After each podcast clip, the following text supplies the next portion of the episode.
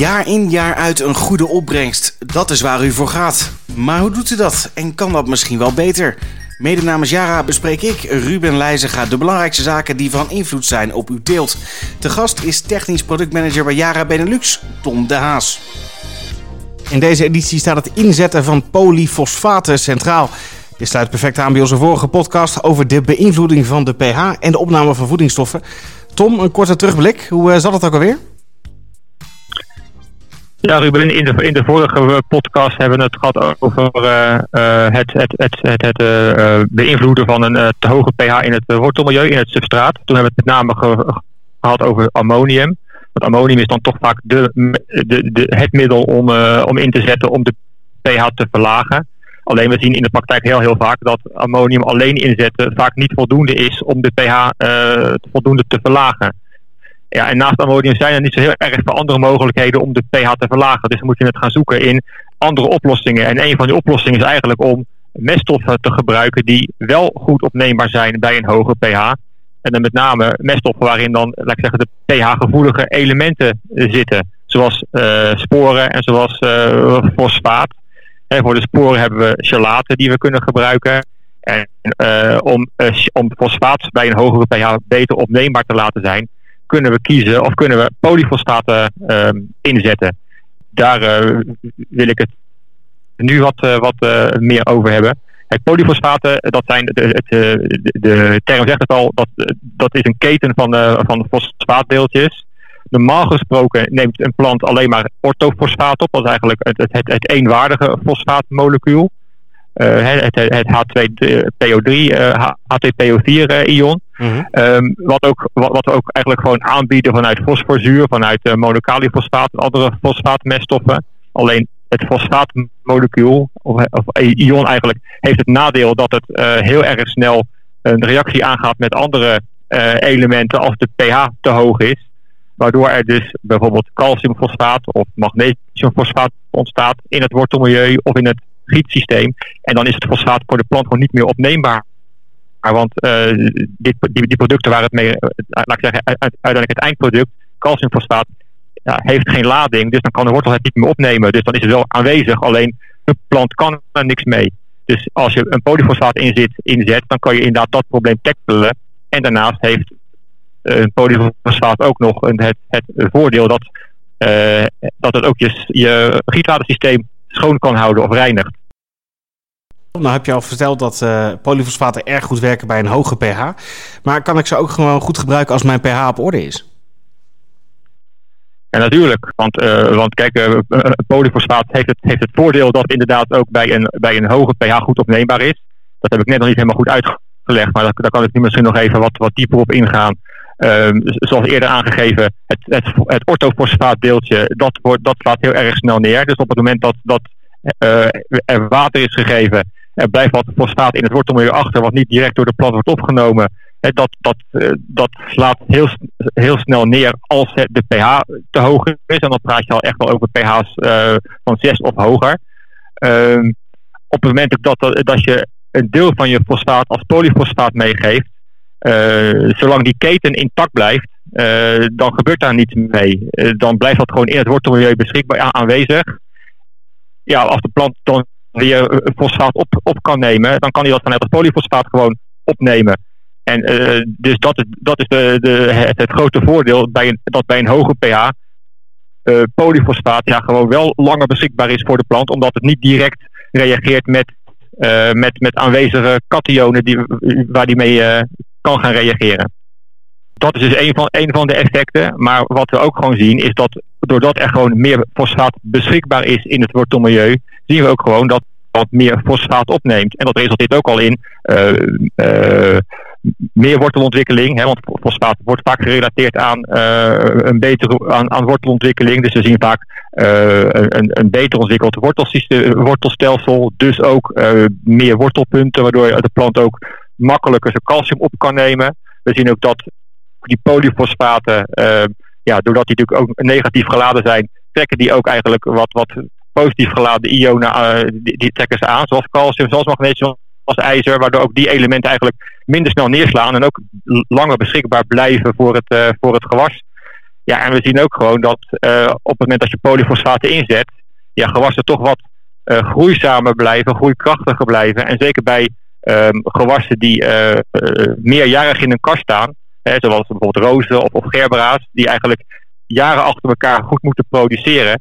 Daar zien we ook van op het moment dat je daar op bepaalde momenten polyfosfaten meegeeft ja, dan lijken die gewassen toch langer eigenlijk goed krachtig te blijven en, en langer ook de uh, voldoende productie te kunnen geven. Ja, prachtig onderzoek natuurlijk, of prachtige resultaten. Het onderzoek wat jullie uh, vrij voor uitvoeren als Jara zijnde. Uh, maar wat is nou het beste moment om polyfosfaten in te zetten? En als ik dat dan inzet, ja, in welke dosering kan ik dan het beste ja, vasthouden?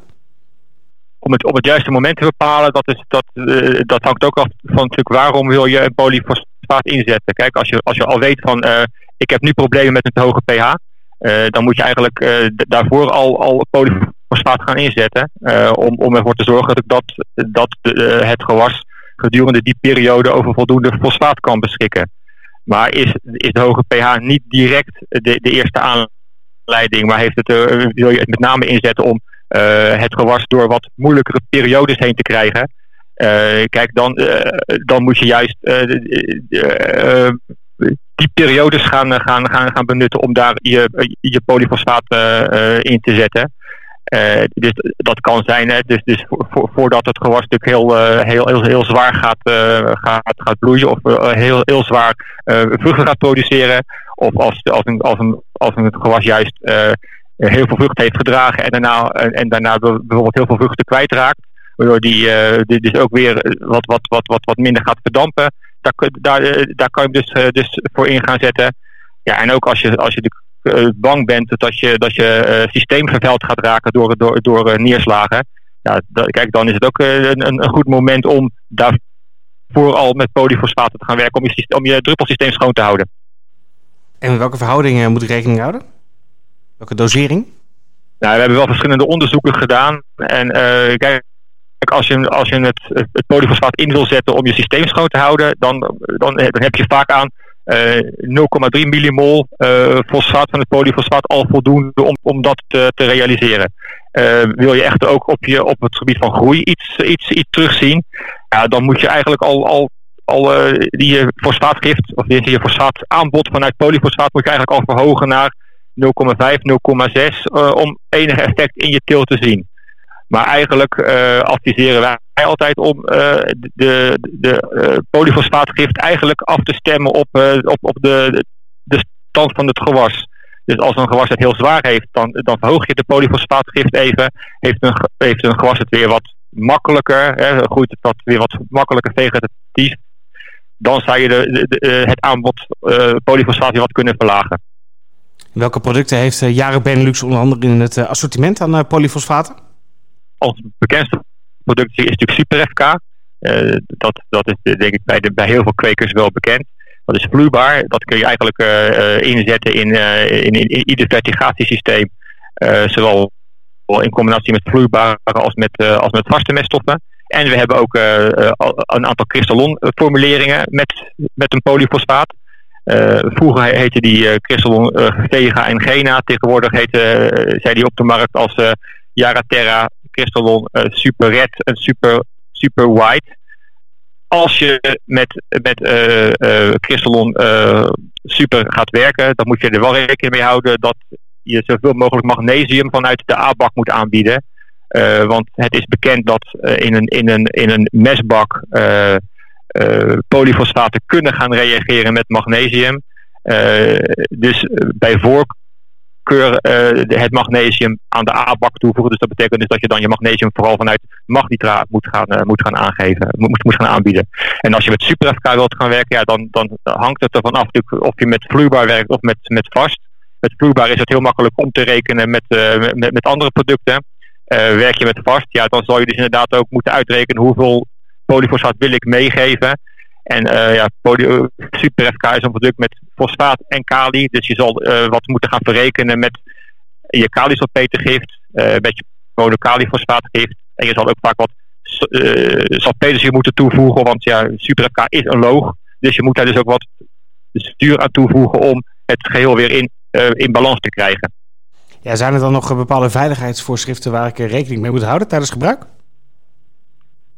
Ja, super is, is wel een loog, dus je moet inderdaad altijd je, je persoonlijke beschermingsmiddelen dragen. Dat betekent altijd handschoenen, dat betekent altijd laarzen. En ook als, als het enigszins kan, een, veiligheidsbril. Want ja, het, zijn gevaarlijke producten. En zeker ook als je met vaste meststoffen werkt en super FK, dan moet je ook vaak nog weer salpeterzuur ook, ook gebruiken. En ook dat is natuurlijk een gevaarlijk product. Dus ga je met, met, met werken, dan moet je altijd uh, inderdaad deze veiligheidsvoorschriften in, in acht nemen.